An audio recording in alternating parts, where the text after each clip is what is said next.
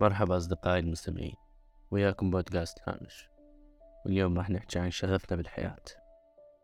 ما عندنا شغف بهالفترة بحياتنا وهواي عندنا أمور معطلة تنتظر من عندنا الإنجاز أو حتى الالتفات إلها كونها مطلوب من عندنا إنه نبدأ بيها وننهيها حسب المطلوب. هو صح ما نقدر نحقق شيء معين دون رغبة وشغف بس حتى منطقة اللا شيء هي تسبب شيء ما على المدى القريب أو البعيد. كتاب خوارق اللاشعور لعلي الوردي كتب عن المتصوفة والدراويش إن يسوون الشي هم متأكدين من حدوثه مية بالمية فيحدث وإن كان هناك شك بسيط فإنه قد لا يحدث. مثل اللي نشوفه إنه يخلون نار على أجسادهم وضع سكاكين في أجسادهم دون حدوث ألم ما. أحد الدراويش كانت تجربته الأولى في فعالية ما حضرها الدكتور علي الوردي نفسه وقال إنه لما بدأ الرقص وضع السيف في بطنه تألم ووقع في مكانه. بعد البحث والأسئلة تبين إنه هالشخص كان عنده شك قبل ما يبدي فعاليته أمام الجمهور وخايف إنه ما ينجح. فكل ما زاد خوف الشخص من حدوث شيء راح يزيد احتمالية حدوثه. الفيلسوف سنيكي الرواقي يقول ما يحدث الشيء اللي نسعى إليه إلا لما نؤمن إيمان تام بأنه إحنا نستحق نمتلكه لذلك كنا نمر بظروف صعبة علينا ومفاجئة وما نتوقع حصولها أبدا. وهالشي هو اللي يخلينا نحس بصعوبة لأبعد حد بحياتنا حتى ندخل باكتئاب حاد وفقدان الرغبة بالعيش حتى ما نمارس عملنا ومسؤولياتنا بشكل كامل. نبقى نهرب ونهرب لكن ليش وقت؟ حسب فرويد قال إنه إذا أزحنا الستار عن كل الأدباء والفنانين والكتاب والعلماء أو أي شخص أحدث فارق واضاف شيء جديد لهذا العالم لو أزحنا الستار عنهم وجدنا في أعماقهم شرخا نفسيا غائرا في صلب حياتهم. السؤال كيف تحولوا لأشخاص ناجحين وصنعوا الفارق بمجالاتهم رغم الألم اللي عاشوه؟ وهنا ما أقصد تحصل شهادة فقط بمجالك الشهادة وحدها ما تكفي.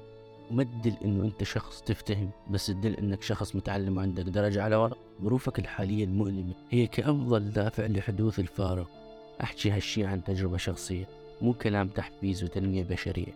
لأن دوستويفسكي يقول الألم ينشئ الأفكار. بس هنا أكيد مو كل الأفكار تجي جيدة.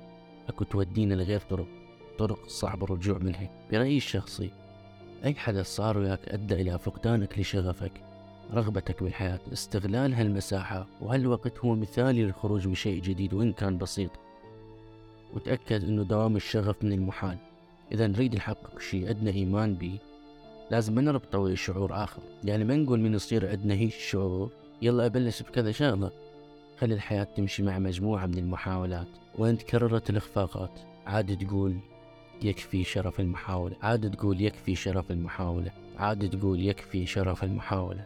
بكل مرة انتظرت تتحسن الظروف لكن حاولت. مثلا ما أقدر أكمل اللوحة اللي دا أرسمها أو الكتاب اللي دا أكتبه إلا لما يكون عندي شغف ورغبة بأنه أكمل أو شخص ما يحفزك ويمدح أعمالك.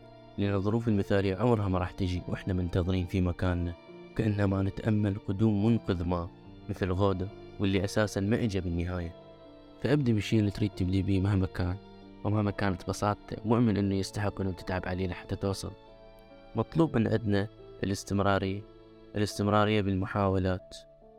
رغم كل شي يدعو لفقدان الشغف والرغبة بس نحاول حتى ما نموت ببطء لما نحتاج شعور معين كل يوم. دون ما نحاول نغير جزء منه الشاعر بابلو نيرودا يقول يموت ببطء شديد من يصبح عبدا للعادة. يعاود كل يوم نفس المسافات.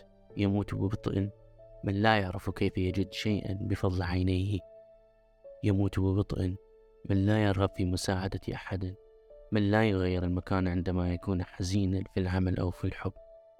يموت ببطء من لا يركب المخاطر لتحقيق أحلامه ولو لمرة واحدة في حياته.